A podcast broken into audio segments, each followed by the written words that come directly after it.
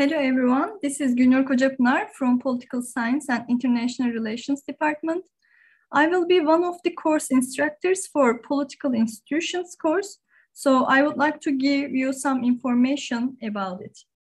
So this course is designed to ensure that the students of political science focus on the institutions that operate in a political system with a particular emphasis on the functions of these institutions and how they interact with one another.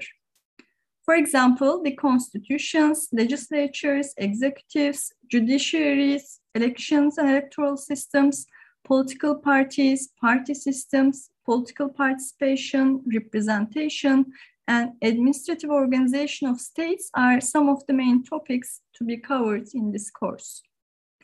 Before the students carry on with their studies at a more advanced level, where they are expected to grasp the essential traits of various political systems around the world in different countries, the evolution of political institutions, as well as the classifications prevailing in the literature come under the spotlight.